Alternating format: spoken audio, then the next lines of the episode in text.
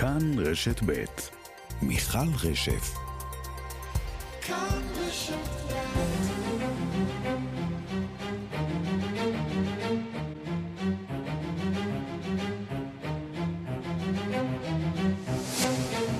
שלום לכם ולכן, אנחנו השעה הבינלאומית, אני מיכל רשף, והיום בעולם.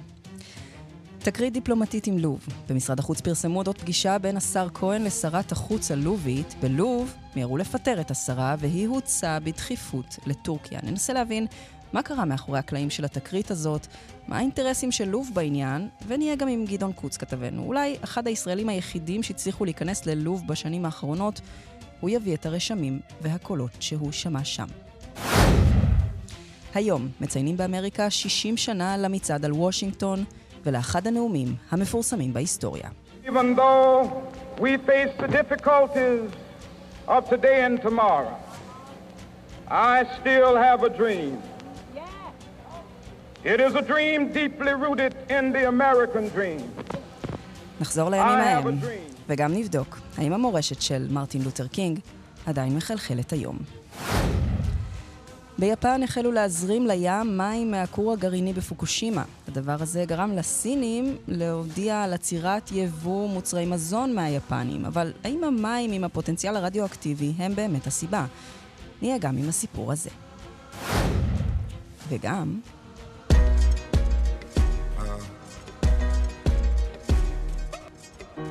In periferia fa molto caldo, mamma stai tranquilla sto arrivando. Te la prenderei per un bugiardo. Ti sembrava amore ma era altro. Beve champagne sotto Ramadan. Alla tv danno Jackie Chan. Fuma narghile, mi chiede come va השיר שכבש את הלבבות, גם אם לא את המקום הראשון באירוויזיון 2019, מתברר כלא מדויק. אביו של הזמר האיטלקי ממוד טוען אהבתי את הבן שלי, לא העדפתי כסף על פניו, עכשיו הוא מבקש מהבן, תחזור בך, או שנה את שם המשפחה. השעה הבינלאומית, העורך הוא עמית שניידר, בצוות שמעון דוקרקר, הטכנאי הוא יוראי פיקר. בואו נתחיל.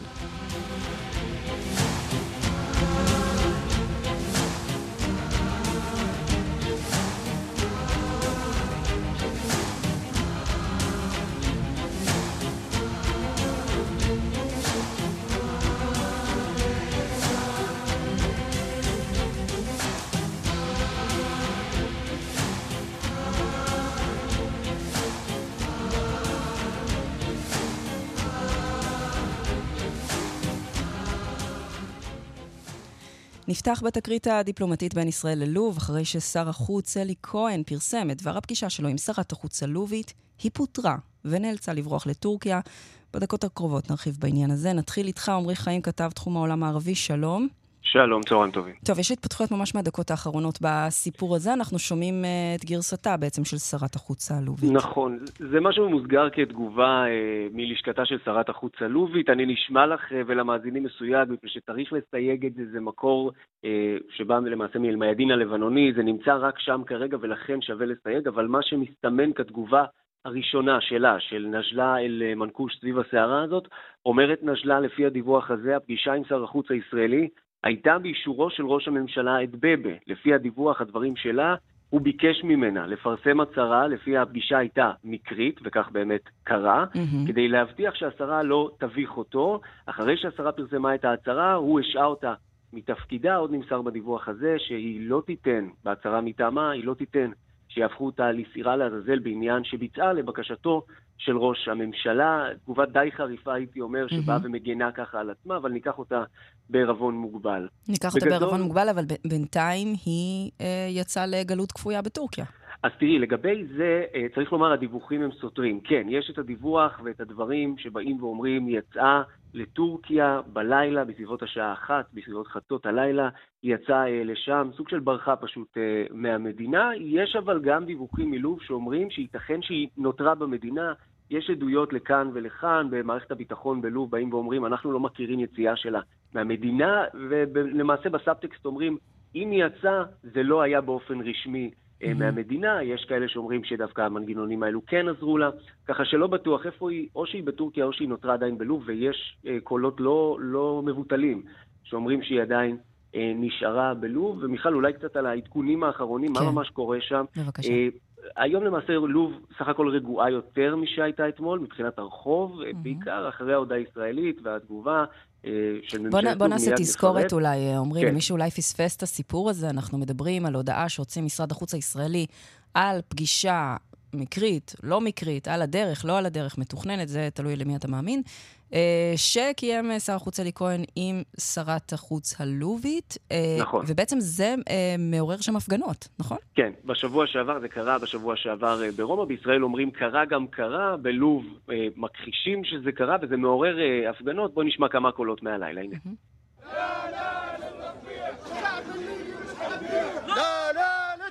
כן, קוראים המפגינים לא לנרמול, המילה הזאת תטביע, נרמול. העם הלובי לא ימכור את הסוגיה הפלסטינית, את העצמאות שלנו כלובים, אומרים אותם אזרחים שגם קוראים להדיח את הממשלה בלוב, נשמע הצהרה של כמה מהם. نطلب المجلس الأعلى للقضاء بالتدخل فورا אומר האזרח הזה באחת הערים שבהן ראינו הפגנות, היא, נג'לה, לא מייצגת אף אחד מלבד את עצמה ואת הממשלה חסרת הלגיטימציה שלה. אנו דורשים מבית המשפט להתערב מיד, להדיח את הממשלה המושחתת הזאת ולבוא איתה חשבון על הפעולות האלו שלא מייצגות את הארץ המוסלמית הזאת. כמו שאנחנו מבינים, אתמול בלילה היו מחאות, היו הצתות צמיגים, אה, הצתות של דגלי ישראל, של חולצה עם תמונתו של אלי כהן ושל השרה המקבילה הלובית, אה, שרת החוץ הלובית, אה, אבל זה היה, צריך לומר, בחתימה די נמוכה, זה לא היה המונים ברחובות, כן אתרים... כי היו גם דיווחים, היו כל מיני דיווחים אפילו על, על הצתת ביתו של ראש הממשלה, זה, זה בינתיים לא, לא דיווח שאתה מכיר. לא, לא בהכרח. כן, ראינו אוקיי. הרבה יותר הצתות צמיגים ברחובות, mm-hmm. איזושהי פריצה למשרדי ממשלה שם, פחות mm-hmm. דברים כאלו. אוקיי, והפגנות כאלה זה דבר נפוץ שם, אה, אה, כשבכלל עולה, עולה איזשהו דיון על ישראל?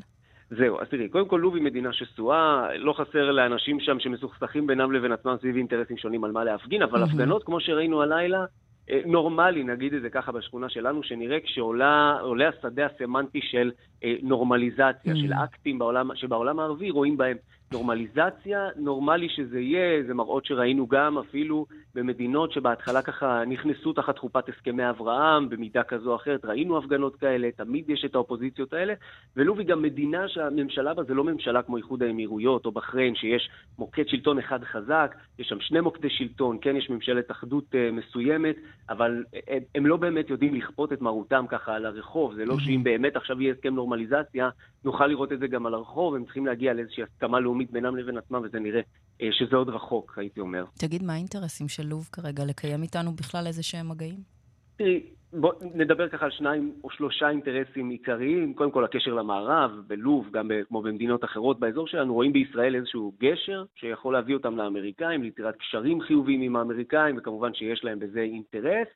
דבר נוסף ששמענו גם על אה, מדינות אחרות שכבר נכנסו איתנו להסכמים זה הטכנולוגיות, משקי המים, זאת מדינה שנמצאת באפריקה, יש לה איזושהי בעיה עם מים, יש לה מי תהום מצד אחד, מהצד השני יש מאגרים שלה שהתייבשו, הם צריכים את המים האלה, והם יודעים שישראל יודעת לספק את הטכנולוגיות הרלוונטיות בעניין הזה, וגם נזכיר ככה באיזושהי כוכבית את הקשרים של הקהילה היהודית, שלמעשה דה פקטו כבר אינה קיימת שם, אבל קהילה יהודית שהייתה בלוב, וזה משהו שהוא גם רלוונטי בהקשרים הללו כשאנחנו מדברים על קשר בין לוב לישראל אה, בימים האלו. כן, כמובן. גם נושא שעלה, שוב, כך לפי דברי משרד החוץ אה, הישראלי, נושא שגם עלה נכון, בפגישה נכון, הזאת. ספר לנו טיפה על שרת החוץ, אה, אישה ראשונה בתפקיד. נכון, אישה ראשונה בתפקיד, האישה ה-14 בעולם הערבי שנכנסת לתפקיד, לתפקיד כזה ממשלתי, שרת החוץ בממשלות ערביות.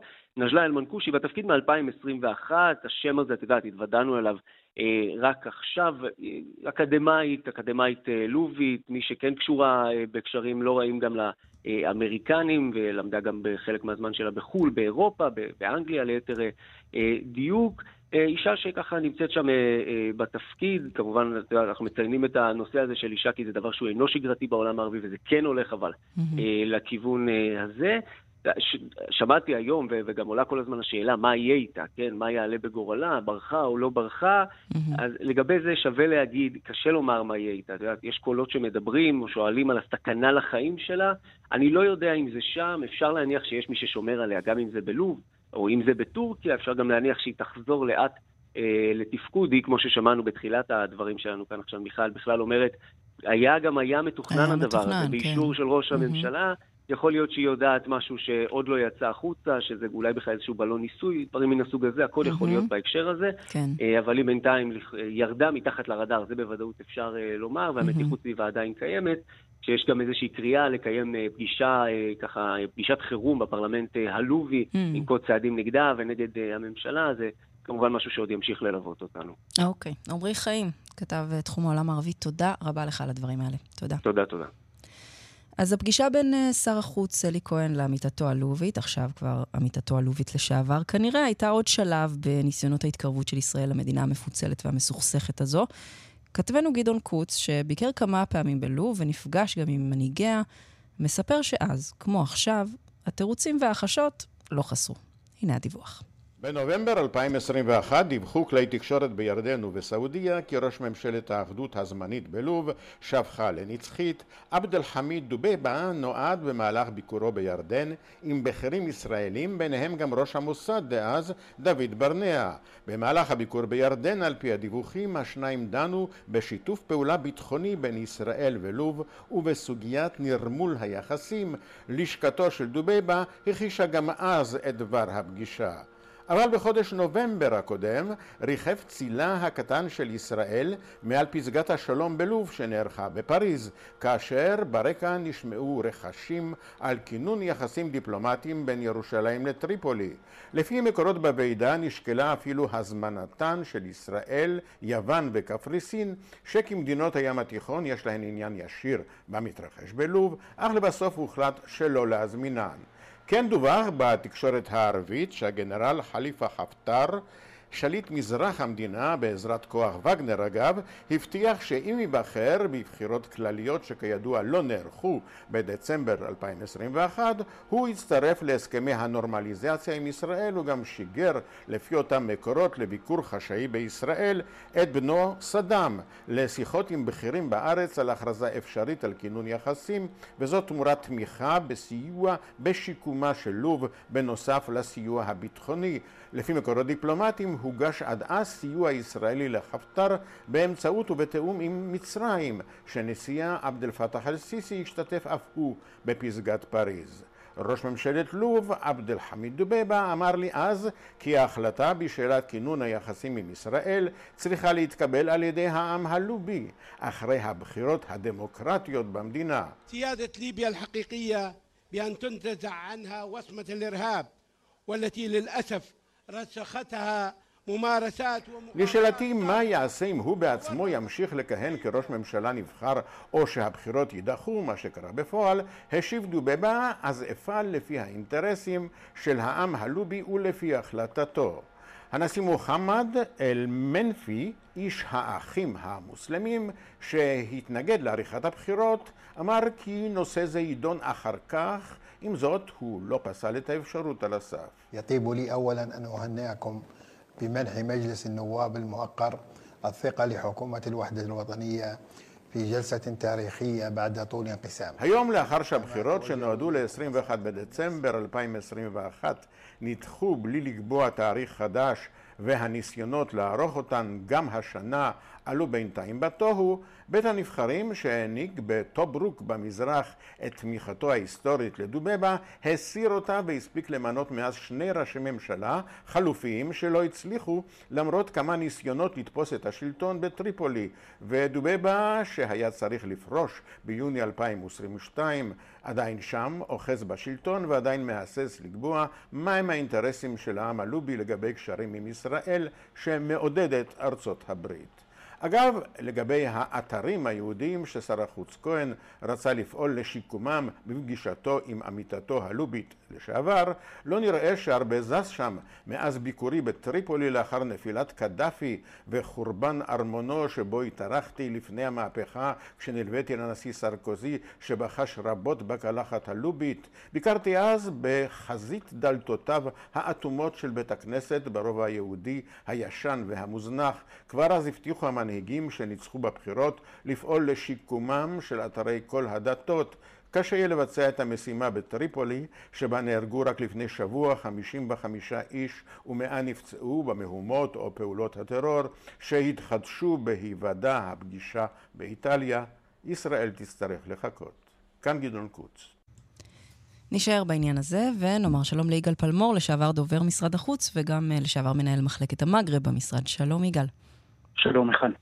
תגיד, אתה יכול לנסות לדמיין מה קרה שם מאחורי הקלעים? לדמיין אה, בוודאי, אבל אה, בטח מעוניינת שהדמיון יהיה קצת קרוב למה שעשויה הייתה להיות המציאות. קדימה. כי אפשר כמובן לתת לדמיון לשחק כאן הרבה משחקים.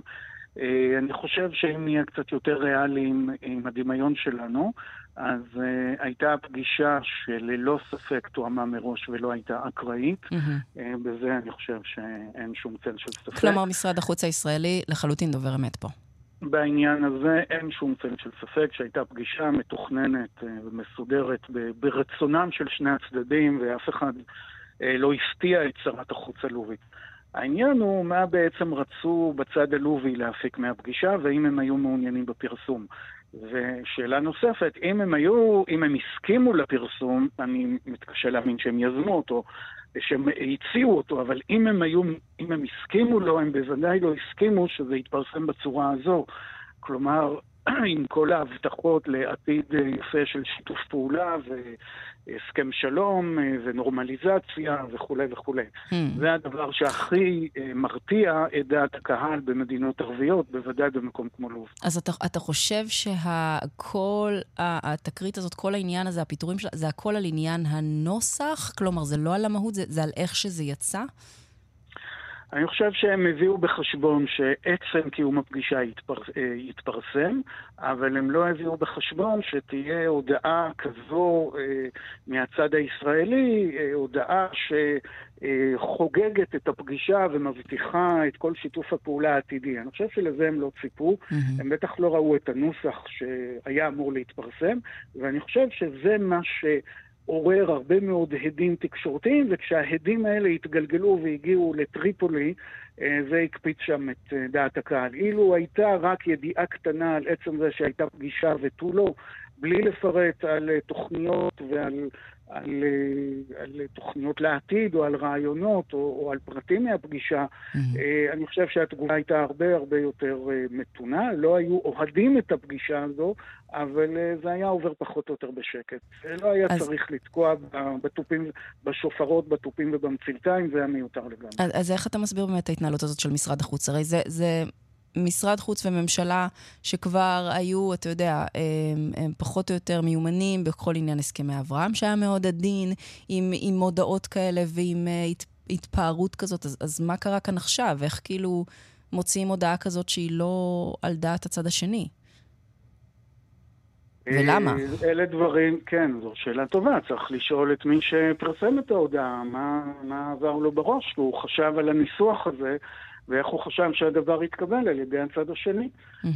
זו לא הפעם הראשונה שבצד הישראלי אה, מוציאים הודעות מאוד אה, חגיגיות על מפגשים שבצד הערבי רצו שיישארו חשאיים או דיסקרטיים. Mm-hmm. היו כל מיני מקרים בעבר, כולל פגישות אקראיות שאחר כך בהודעות לתקשורת הישראלית הוצגו כ... אה, פגישות אה, ודיונים אה, על, על קידום היחסים, כאילו הם היו מתוכננות, ולא פעם ראשונה. אבל פה אנחנו רואים את התגובה, את, ה, את ה-backlash, כן? את תגובת הנגד החריפה מיד באותו רגע. Mm-hmm. צריך לזכור שגם פגישות שבאמת היו אקראיות לחלוטין, כמו ב-1997, פגישה אקראית בין ראש הממשלה דאז אהוד ברק ונשיא אלג'יריה, עבד אל-עזיז בוטפליקה, בהלוויה של חסן השני, מלך מרוקו. הפגישה ההיא הייתה כנראה באמת אה, מנוד ראש אה, מנומס ואולי לחיצת יד מנומסת ותו לא, כי הם נקלעו ל... לאותו חדר או לאותו, לאותו מקום. אה, זה פורסם וזה עורר הפגנות ומהומות באלג'יריה, שבוטפליקה היה צריך כמעט להכחיש שהוא היה בהלוויה. אה, כלומר, התגובות האלה ברחוב במדינות ערביות מסוימות הן צפויות למדי, ולכן כל, כל פרסום כזה צריך להביא בחשבון מראש איזה מהומה הוא, הוא יעשה, mm-hmm. על סמך הניסיון, ומי שלא מביא בחשבון את המהומות האלה, או שלא למד מהניסיון, או שלא אכפת לו. תגיד, מה אנחנו רוצים מלוב? מה האינטרסים שלנו שם? אנחנו, קודם כל, אני חושב שאנחנו צריכים בשיחות האלה להפסיק לדבר על לוב כאילו יש לוב, כאילו יש מדינה אחת אה, בשם לוב, שיש לה ממשל כזה או אחר, ושלממשל הזה יש אה, מדיניות. אין מדינת לוב. יש הרי שתי ממשלות יריבות שכרגע מצויות בהפסקת אש, ממשלת בנגזי וממשלת טריפולי. יש בנוסף מיליציות שנשמעות באופן חלקי לממשלה כזו או אחרת. אה, זו לא מדינה, זו מה שנקרא מדינה כושלת, failed state, זו טריטוריה שהשליטה בה מחולקת לכמה גורמי כוח, ולכן אין אפשרות לדבר על לוב כאילו הייתה ישות אחת. תגיד, הייתה היום אה, מנהל מחלקת קשרי חוץ בסוכנות היהודית, ובהודעה של משרד החוץ באמת שאמרו לכאורה שבפגישה נאמר אה, שהם, אה, שני הצדדים יפעלו לשימור המורשת היהודית, שם דיברו על שיפוץ בתי כנסת ובתי קברות. מה אתה יודע לומר לנו קצת על מצב הקהילה שם? אז ככה, אין שם קהילה ואין שם יהודים. ייתכן שבודדים כאלה ואחרים שמסתירים את זהותם אה, אבל אין בעצם יהודים בלוב היום לכל אה, דבר ועניין. אה, מה שכן, נשאר הרבה רכוש קהילתי, אנחנו מדברים על מבני ציבור, בתי כנסת, בתי קברות, וקהילות יוצאי לוב באיטליה ובישראל בעיקר, מאוד מעוניינות כבר המון המון שנים לקבל גישה לרכוש הזה. לדאוג לבתי הקברות, לדאוג לשיקום, שיפוץ או תחזוקה של בתי הכנסת, אבל uh, הדברים האלה מעולם לא הסתייעו. קדאפי, שעוד היה בשלטון, ואחרי שקיבל לגיטימציה מהמערב, אחרי 2003, שפירק את תוכנית הגרעין שלו, נשא כמה נאומים שבהם הבטיח ליהודים שיוכלו uh, לקבל גישה אל הרכוש הקהילתי, uh, שהממשלה שלו תשמור על הרכוש הזה, תעזור להם לשקם בתי קברות ובתי כנסת. אפילו הזמינו כאילו, ביקורים של משלחות של יוצאי לוב אה, מאיטליה, לא מישראל, אה, והביקורים האלה תמיד אה, הסתכמו במפח נפש אחד גדול. שום דבר לא נעשה ולא לא קודם, ליהודים לא נמסרה שום... אה, גישה לא כן. לבתי כנסת ולא לבתי קברות ולא לשום דבר, בוודאי שאין מה לדבר על פיצוי על רכוש. ונראה אה, שגם גם הפעם זה לא, זה, זה לא הולך בכיוון הזה. כנראה שגם הפעם אנחנו כן. לא התקדמנו לכיוון הזה, נכון. כן. נגל פלמור, לשעבר דובר משרד החוץ, גם אה, לשעבר מנהל מחלקת המגרב במשרד, תודה רבה על השיחה הזאת. תודה רבה.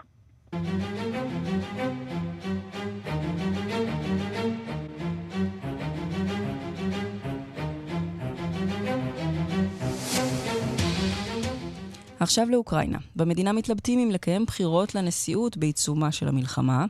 הנשיא זלנסקי אומר שהוא בעד בחירות, אבל יותר מרומז שאין דרך לקיים אותן עכשיו.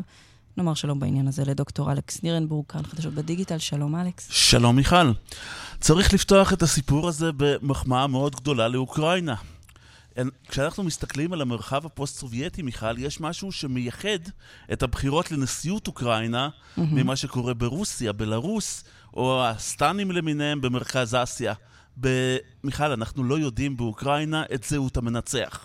פרט חשוב, הבדל חשוב, צריך לומר, כן. בהחלט. אז אנחנו לא יודעים אה, את, אה, את הפרט השולי הזה. יכול להיות מצב גם שבו יבוא קומיקאי יהודי וידיח נשיא מכהן עם אה, קבלות, פטרו פורושנקו, גם זה יכול להיות. היי, זו דמוקרטיה. אבל. עכשיו עולה השאלה, האם כל הטוב הזה יימשך בתקופה הקרובה, או שיידחה למועד בלתי ידוע? כי בחצי השנה הקרובה... אמורות להתקיים באוקראינה גם הבחירות לרדה לפרלמנט, ובמרץ 2024 הבחירות לנשיאות.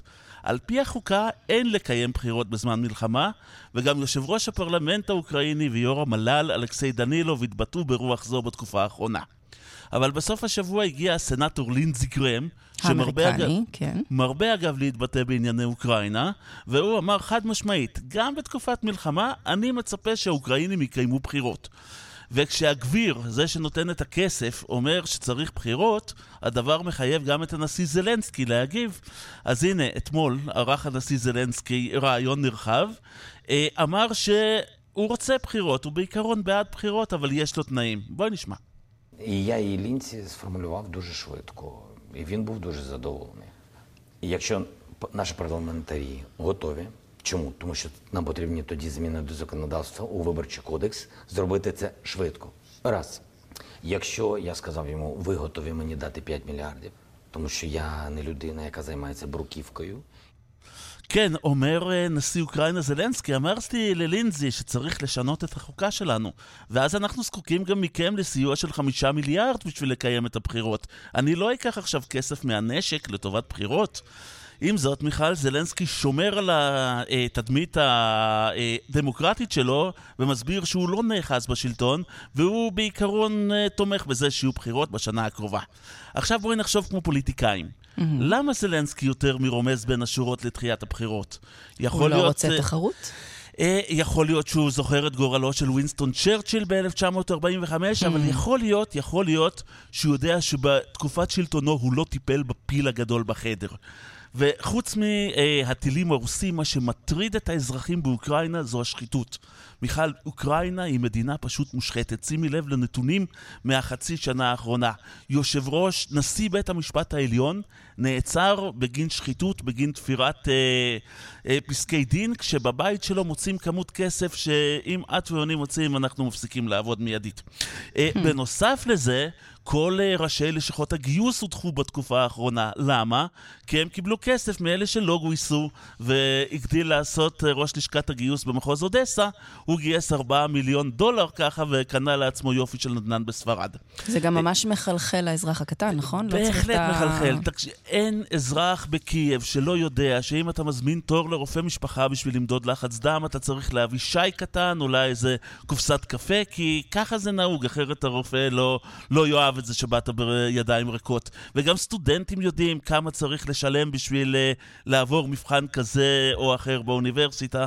Uh, זה מה שמחלחל לתוך החברה האוקראינית, כן. זה מה שבאמת מציק, ובזה זלנסקי, יש לומר, לא, טיפ, לא טיפל. לא טיפל לו... כי היו לו גם עניינים אחרים, צריך היו לומר. היו עניינים כן. אחרים, ת, בזמן מלחמה אה, קשה לטפל בשחיתות, בדיוק. אבל את יודעת, במצב כזה, כשאתה נכנס למערכת בחירות, אתה יודע איך אתה נכנס, אבל אתה לא יודע איך אתה יוצא ממנה. Mm-hmm. נכון. ואם את שואלת האם יש מועמדים נוספים בכלל, מישהו שמוכן להתמודד מול זלנסקי, אה, בניגוד לרוסיה, ששם יש פוטין, פוטין ועוד קצת פוטין, אז אה, באוקראינה תמיד יש מועמדים.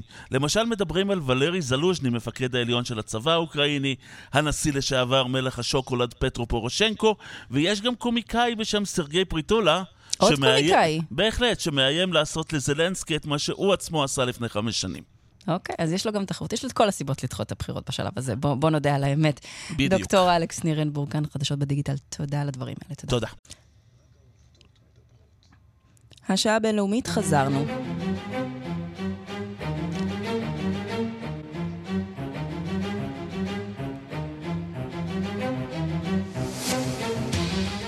ועכשיו אנחנו למזרח. בשבוע שעבר החלה יפן ביישום התוכנית שלה והחלה לשפוך מים רדיואקטיביים מתחנת הכוח הגרעינית בפוקושימה אל האוקיינוס השקט. לא רק אזרחיה שלה הביעו התנגדות למהלך, אלא גם סין וקוריאה הדרומית גינו אותו בחריפות, וקראו ליפנים לחדול מיידית ממה שהם מכנים התנהגות אנוכית וחסרת אחריות. בסין החליטו להילחם בכלים לא קונבנציונליים, וגייסו למלחמה את הסושי. על מלחמות הסושי והגרעין של סין ויפן בכתבה של שחר אלהרל. אם חפצה נפשכם להתיישב באחת ממאות מסעדות הסושי ופירות הים בשנגחאי או בייג'ינג, ולטעום שם ממיטב המטבח היפני, נראה שתשבו שם לבדכם. ובקרוב זה לא יהיה אפשרי כלל, משום שבסין פתחו בשבוע שעבר בחרם כולל על יבוא פירות ים מיפן. זה צ'ן יונגיהו, בעל חנות פירות ים בשנגחאי. 反正每天都挺忙的，就从二十四号开始到今天一点都不忙。 יונגיהו מספר שבעקבות החרם, איש כבר אינו בא לקנות ממרכולתו. כן, שתי הכלכלות הגדולות ביבשת אסיה שוב מסתכסכות בגלל הים. הפעם היפנים התחילו.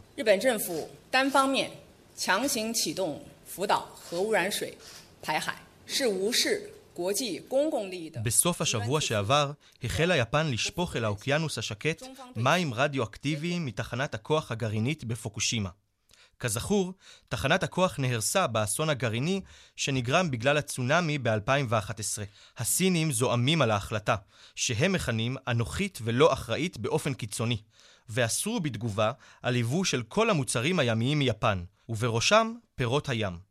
התושבים הסינים, שבימים כתיקונם פוקדים את מסעדות הסושי היפניות בהמוניהם, מתיישרים עם ההחלטה ומכריזים חרם על הסושי.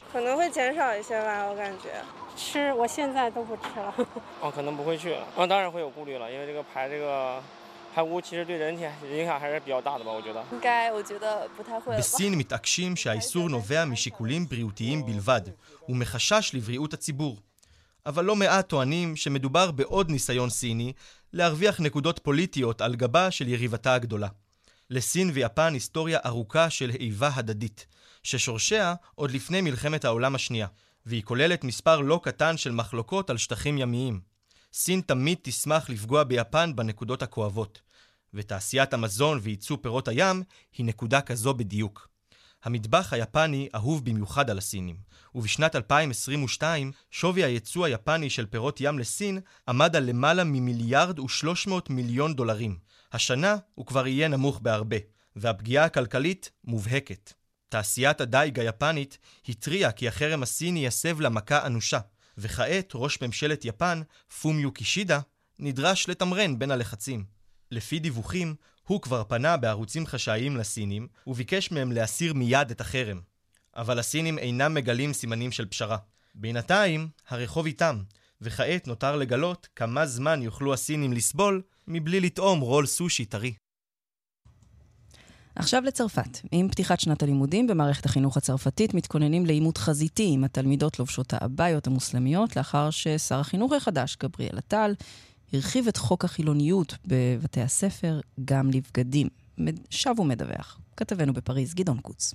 מערכת החינוך בצרפת עדיין לא התאוששה מעריפת ראשו של מורה שהראה לתלמידיו את הקריקטורות של מוחמד ומאיומים ופגיעות פיזיות נוספות כשהמורים מנסים לחייב את התלמידים להימנע מחשיפת דתם על פי כללי חוק החילוניות הצרפתי שבתוקף מראשית המאה שעברה אך שר החינוך החדש והנמרץ, גבריאל עטל הצעיר, בשרי הממשלה וממוצא יהודי, החליט לחרוג מן הכללים ולצאת לא רק נגד הסמלים הדתיים המובהקים, כיסוי ראש, צעיף, כיפה או צלב, אלא גם נגד הלבוש, נושא שאינו רלוונטי אגב לתלמידים יהודים חרדים שלומדים ממילא במערכת החינוך הפרטית. על פי דוח ממשלתי, הפגיעות בחוק החילוניות בבתי הספר הגיעו לשיאן בשנת הלימודים החולפת. 4,710 מקרים נרשמו, לעומת 2,187 בשנה שקדמה לה. 923 מתוכם נגעו לענייני לבוש, בעוד שבשנה הקודמת היה מדובר ב-91 בלבד. על פי הדיווח, העביה הפכה עכשיו לסימן היכר אופנתי מרכזי של אוהדי הפונדמנטליזם הדתי, גם בבתי הספר בצד הקמי לנשים. בדבריו בפני ראשי מערכת החינוך שהתכנסו בסורבון, הבטיח הטל נחישות ודרש מן הנאספים להתייצב כגוש אחד מול האביות והקמי, ואחר כך פרסם הודעה רשמית. Oui ou non, la baya qu'on ne pourrait plus porter l'abaya à l'école. Je vais m'entretenir cette semaine avec les chefs d'établissement et je veux leur rendre hommage, on ne parle pas suffisamment d'eux. אני מודיע שאי אפשר יהיה ללבוש אביה בבתי הספר. אפגוש עוד השבוע את המנהלים והמחנכים שניצבים בקו הראשון ואודיע להם על כך. עבור הטל החילוניות במסגרת בית הספר זה שכשנכנסים לכיתה ואי אפשר יהיה להבחין בדתות התלמידים כשמביטים בהם. Pour moi, la laïcité dans un cadre scolaire, c'est quelque chose de très clair. Vous rentrez dans une salle de classe, vous ne devez pas être capable de distinguer, d'identifier la religion des בארגוני המורים קידמו בברכה את הצהרות השר, איסור הבעיות מעיד על בהירות ועל אומץ נכתב בביטאוניהם. יש שדרשו עם זאת מערכת הסברה נאותה בקרב התלמידים והוריהם כדי למנוע אי-הבנה. ראשי העדה המוסלמית טוענים מצידם שבאסלאם הבגדים כלל אינם קשורים לדת, המתנגדים להוראה כבר מתכננים פעולות מחאה, הקרב על הבעיה רק מתחיל. כאן גדעון קוץ. ומאירופה נמריא לארצות הברית. אמריקה מציינת היום 60 שנים בדיוק למצעד על וושינגטון, אותה צעדה למען זכויות האדם שהוביל מרטין לותר קינג, אותה צעדה שבה נשמע גם הנאום המפורסם הזה. Even though we face the difficulties of today and tomorrow, I still have a dream. It is a dream deeply rooted in the American dream. I have a dream mm-hmm. that one day this nation will rise up and live out the true meaning of its creed. We hold these truths to be self evident that all men are created equal.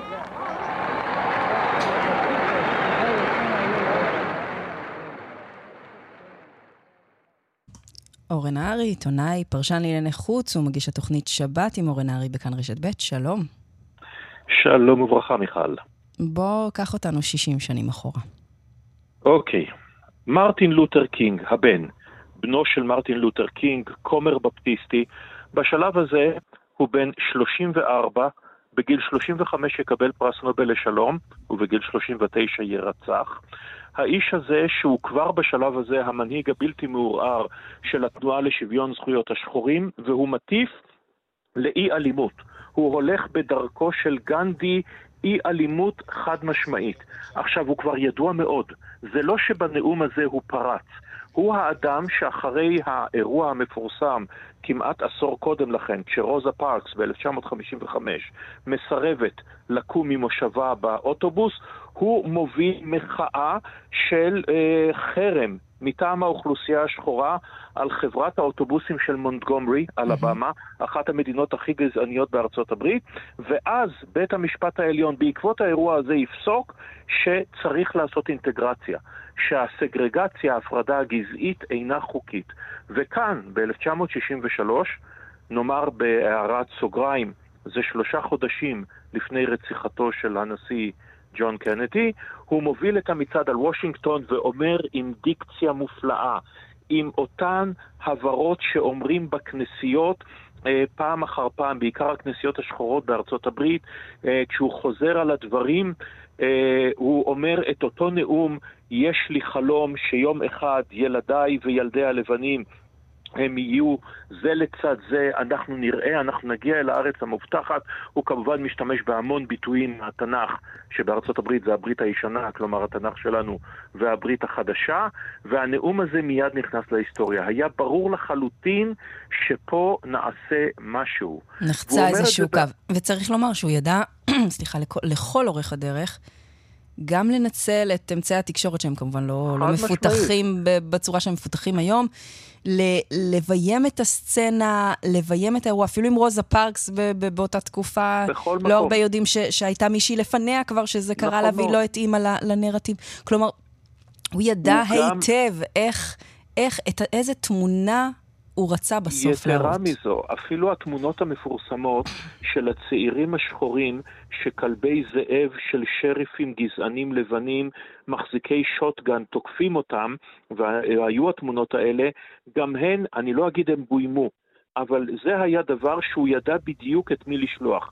מה שלא מבינים, הלבנ... הלבנים בדרום, אלה שנשבעים ואומרים סגרגציה, הפרדה גזעית אתמול, הפרדה גזעית היום, הפרדה גזעית מחר, mm-hmm. הם בטוחים שהם מנצחים, כי הנה, יש להם חסינות, המדינות, שיטת ה, אה, אה, השיטה האמריקנית, שבהם לכל מדינה יש כמובן חופש פעולה אדיר, הם מדברים אל הקהל שלהם, הקהל שלהם מאושר כשהוא רואה את הכלבים תוקפים את אותם צעירים שחורים שבאים מהצפון, את אותם יהודים שבאים לסייע להם.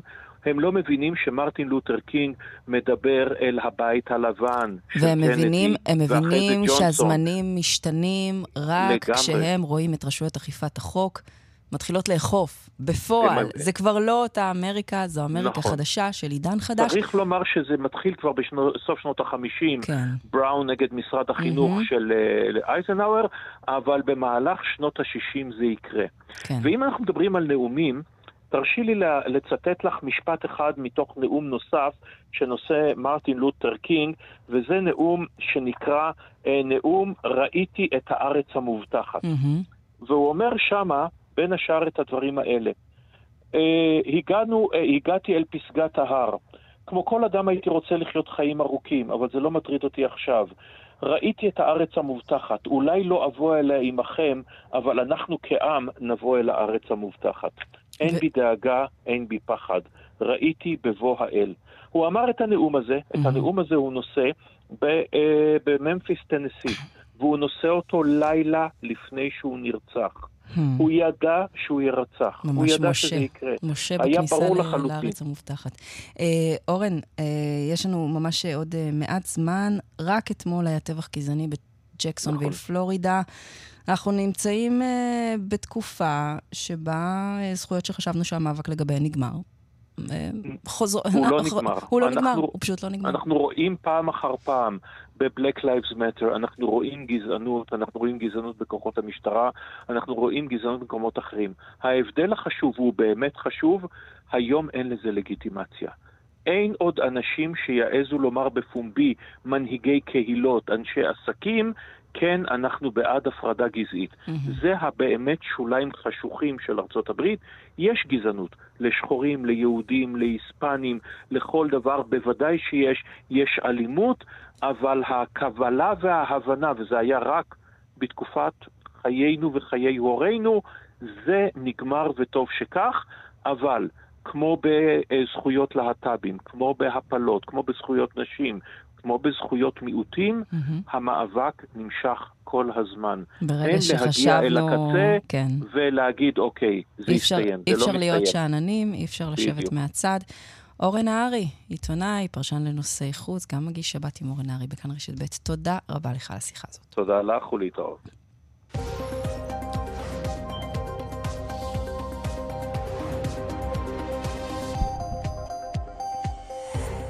ובשעה שלוש בדיוק בכאן 11 בטלוויזיה. המקבילה הטלוויזיונית שלנו, העולם היום, עוד מנה הגונה של חדשות חוץ, הפעם בטלוויזיה. שלום למגיש יואב זהבי. שלום אה, מיכל. כן, אז כדאי היום? להצטרף. אה, אנחנו מתחילים בעוד 12 דקות, נהיה עם אה, פארסת הפגישה. אישי. כן, כן, בהחלט. נהיה עם פארסת הפגישה בין שר החוץ אלי כהן לשרת החוץ הלובית, רועי קייסי, באולפן יסביר לנו על הפוליטיקה המורכבת של המדינה הזאת. העיתונאי יוסי מלמן, שחשף לפני כשנתיים ביקור של אישיות לובית חשובה מאוד כאן בישראל, יספר על מה שקורה בין ישראל ללוב מתחת לרדאר.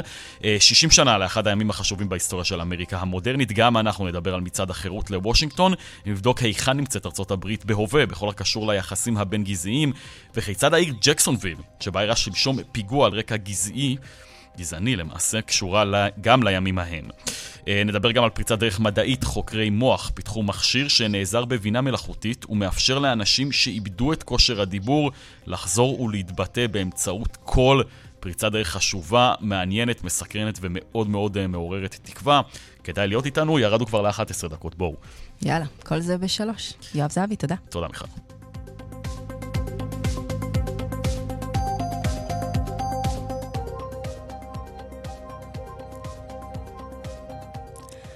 עכשיו לספרד, כן, חוזרים לאירופה. סערת הנשיקה בגמר גביע העולם בכדורגל נשים לא מפסיקה לספק שם כותרות. היום מגיעה עוד אחת, צריך לומר ביזארית במיוחד. שלום לעורך הספורט בכאן רשת ב' ליאן וילאו. שלום, שלום, מיכל. כן, מה, מה העדכונים האחרונים בפרשה הזאת?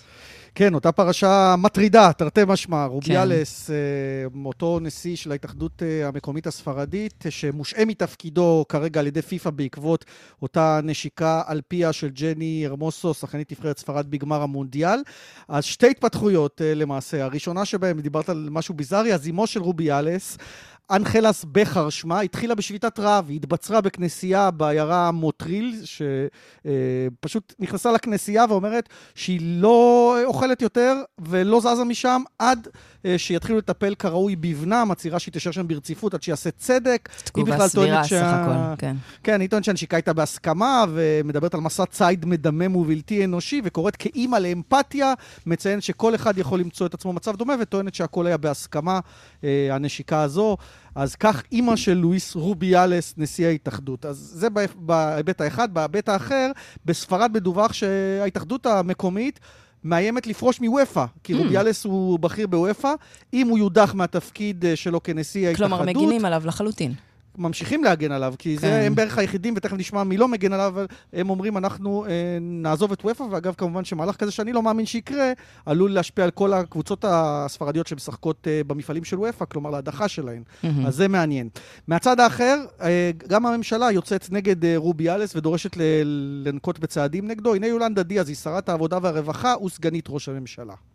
Sentí auténtica vergüenza. Un país como el nuestro, un mundo como el nuestro, eh, no tolera los comportamientos machistas y la impunidad con la que se expresó el señor... אז אומרת uh, השרה, ממש התביישתי, מדינה ועולם כמו שלנו לא סובלים התנהגות מצ'ואיסטית. החסינות uh, שבה uh, מתבטא מר רוביאלס מראה שההתאחדות הספרדית נגועה בסקסיזם מבני עמוק. היא גם אומרת, הם יוצרים כך יותר אלימות כלפי השחקנית, שהיא הקורבן של התקיפה המינית לכאורה. שאומרת, בקיצור, זה לא היה בהסכמה. היא לא, היא לא מכנה את זה תקיפה מינית, אבל היא אומרת זה לא היה בהסכמה. לגמרי, היא אומרת, כן. בסוף היא הקורבן ועליה בדיוק. אנחנו צריכים להגן, כל, עליה ועל כל הספורטאיות, ולא על הנשיא הסורר במקרה הזה. כן, והן מקבלות uh, תמיכה מהרבה מאוד uh, כיוונים בימים האחרונים. ליאן וילדאו, תודה על הדברים תודה. האלה. מוזיקה עכשיו, כלומר, בערך. אחרי שמדונה וברוס ספרינגסטין ביטלו לאחרונה הופעות בעקבות מצבם הרפואי, גם סולנית להקת Florence and the Machine נאלצה לבטל את הופעותיה בדיוק לפני שבוע. הלילה היא כבר חשפה בחשבון האינסטגרם את הסיבה. ניתוח מציל חיים, אותו היא נאלצה לעבור בדחיפות. נאמר שלום לאלון פרוכטר, עורך התרבות, בכאן חדשות בדיגיטל. אהלן מיכל, כן, אה, בעצם פלורנס... מה קרה לפלורנס? אז כן, היא ביטלה את ההופעות שלה בדיוק לפני שבוע, תכננה כמה הופעות באסיה וגם באירופה, בלי להסביר למה, אמרה פשוט מנסיבות רפואיות, מקווה לחזור להופיע בקרוב, אבל הלילה באמת היא יודעה שהיא עברה לאחרונה ניתוח מציל חיים. לא אמרה איזה סוג ניתוח, אמרה נאלצתי לעבור ניתוח חירום בנסיבות שאני לא מרגישה חזקה מספיק כדי לשתף עדיין, אבל זה הציל את חיי. נגיד שרק בחודש נובמבר האחרון היא ביטלה כמה הופעות של הלהקה שתוכננו בבריטניה לאחר ששברה את כף רגלה. מדובר בזמרת שמופיעה יחפה על הבמה, קופצת המון. היא הבטיחה שהיא תחזור להופיע כבר בסוף השבוע הקרוב, הפעם בלי לרקוד יותר מדי. Hmm. אה, כנראה שאנחנו נדע על מה ולמה כבר אה, ביום שישי הקרוב. אנחנו נגלה את התעלומה, בוודאי, אתה תחזור לעדכן על זה. בואו נמשיך עם כוכב אירוויזיון האיטלקי, ממוד, והאמת מאחורי סולדי? נכון, ארבע שנים עברו מאז שמחמוד בעצם האיטלקי כבש את אירוויזיון 2019 כאן בתל אביב. אמנם לא הגיע למקום הראשון, אלא לשני, אבל באמת השיר היה הכי מושמע כאן בישראל, כמעט שנתיים ברציפות. אה, אבל כן, השיר הזה שבעצם נכתב על החוויה שלו, הטראומה, הגירושים של ההורים, הנטישה של האבא לדבריו, אה, גם בשיר עצמו, אבא שבקושי מתקשר עם הבן, רק מתקשר, שואל אותו כל הזמן קומבה קומבה, אה, מה שלומך, מה שלומך ולא יותר מזה, ובעיקר חושב על כסף. אז עכשיו האבא התראיין לאתר איטלקי בשם מילג'יורנו וטוען, אני לא ניתקתי את הקשר עם הבן שלי מעולם. הייתי כל הזמן בחייו, וזה דווקא בני, הוא, שמנתק את הקשר איתי מאז שהוא התחיל להתפרסם. בואי נשמע mm. מה הוא אמר. E perché mi aveva detto che magari fa danno alla sua immagine di cantante. Io non ho mai sparito della vita di mio figlio. Dopo il divorzio con la mamma di eh, Alessandro sono rimasto eh, sempre a contatto. זאת אומרת, הוא בעצם אומר, אני שמרתי איתו על קשר כל החיים. במהלך הרעיון הזה הוא גם מראה תמונות שלהם, מפגשים שהם קיימו לאחר אותם גירושים, אה, ובעצם הוא אומר, בעצם ל, ל, קוראים לו אחמד מחמוד, ולבנו הזמר קוראים אלסנדרו מחמוד. הוא אומר, אם הוא כל כך מתבייש בי וכותב עליי שירים, אז אני קורא לו שיסיר את שם המשפחה אה, מתעודת הזהות שלו, אמנם לא משם הבמה. הוא גם שוקל הליכים משפטיים, נכון? בדיוק. הוא ממש רציני לגבי זה. כן, הוא אמר אה, בריאיון שהוא מעוניין לערב עורך דין בנושא, ונגיד שמח... מחמוד עדיין לא ענה על הטענות האלה, לא ברשתות החברתיות, mm. וברגע שנדע, אנחנו נדווח גם על זה. כן, גם על זה תחזור אה, ותעדכן אותנו. אלון פרוכטר, תודה, אנחנו ניפרד עם סולדי. איך אפשר שלא? תודה, אלון. In periferia fa molto caldo, mamma stai tranquilla sto arrivando, te la prenderei per un bugiardo, ti sembrava amore ma era altro, beve champagne sotto Ramadan, alla tv Jackie Chan Fuma narghile, mi chiede come va Mi chiede come va, come va, come va Sai già come va, come va, come va Penso più veloce per capire se domani tu mi fregherai non ho tempo per chiarire perché solo ora so cosa sei.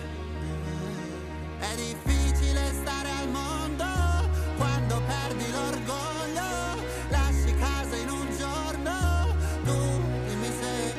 Pensavi solo ai soldi, soldi. Come se avessi avuto soldi, soldi.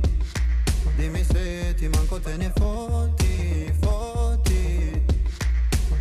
Mi chiedevi come va, come va, come va. Adesso come va, come va, come va.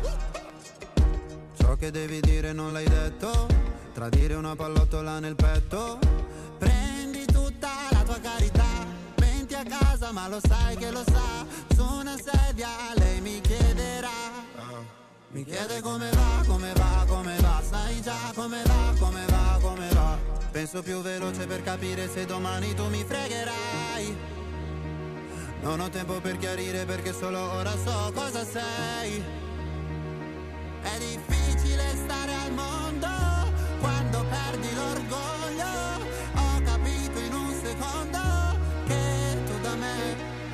solo soldi, soldi עד כאן השעה הבינלאומית שערך עמית שניידר, בביצוע הטכני יוראי פיקר ושמעון דוקרקר. אנחנו נהיה פה גם מחר, באותה שעה, עם עוד מנה של חדשות חוץ, השעה הבינלאומית. מיד אחרינו רגעי קסם עם גדי לבנה, שיהיה לכם ולכן המשך יום נעים להתראות.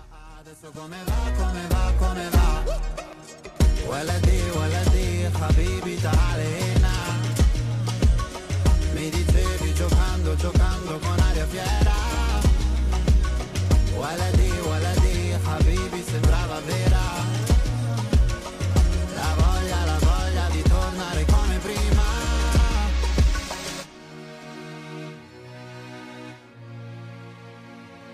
Io da te non ho voluto soldi.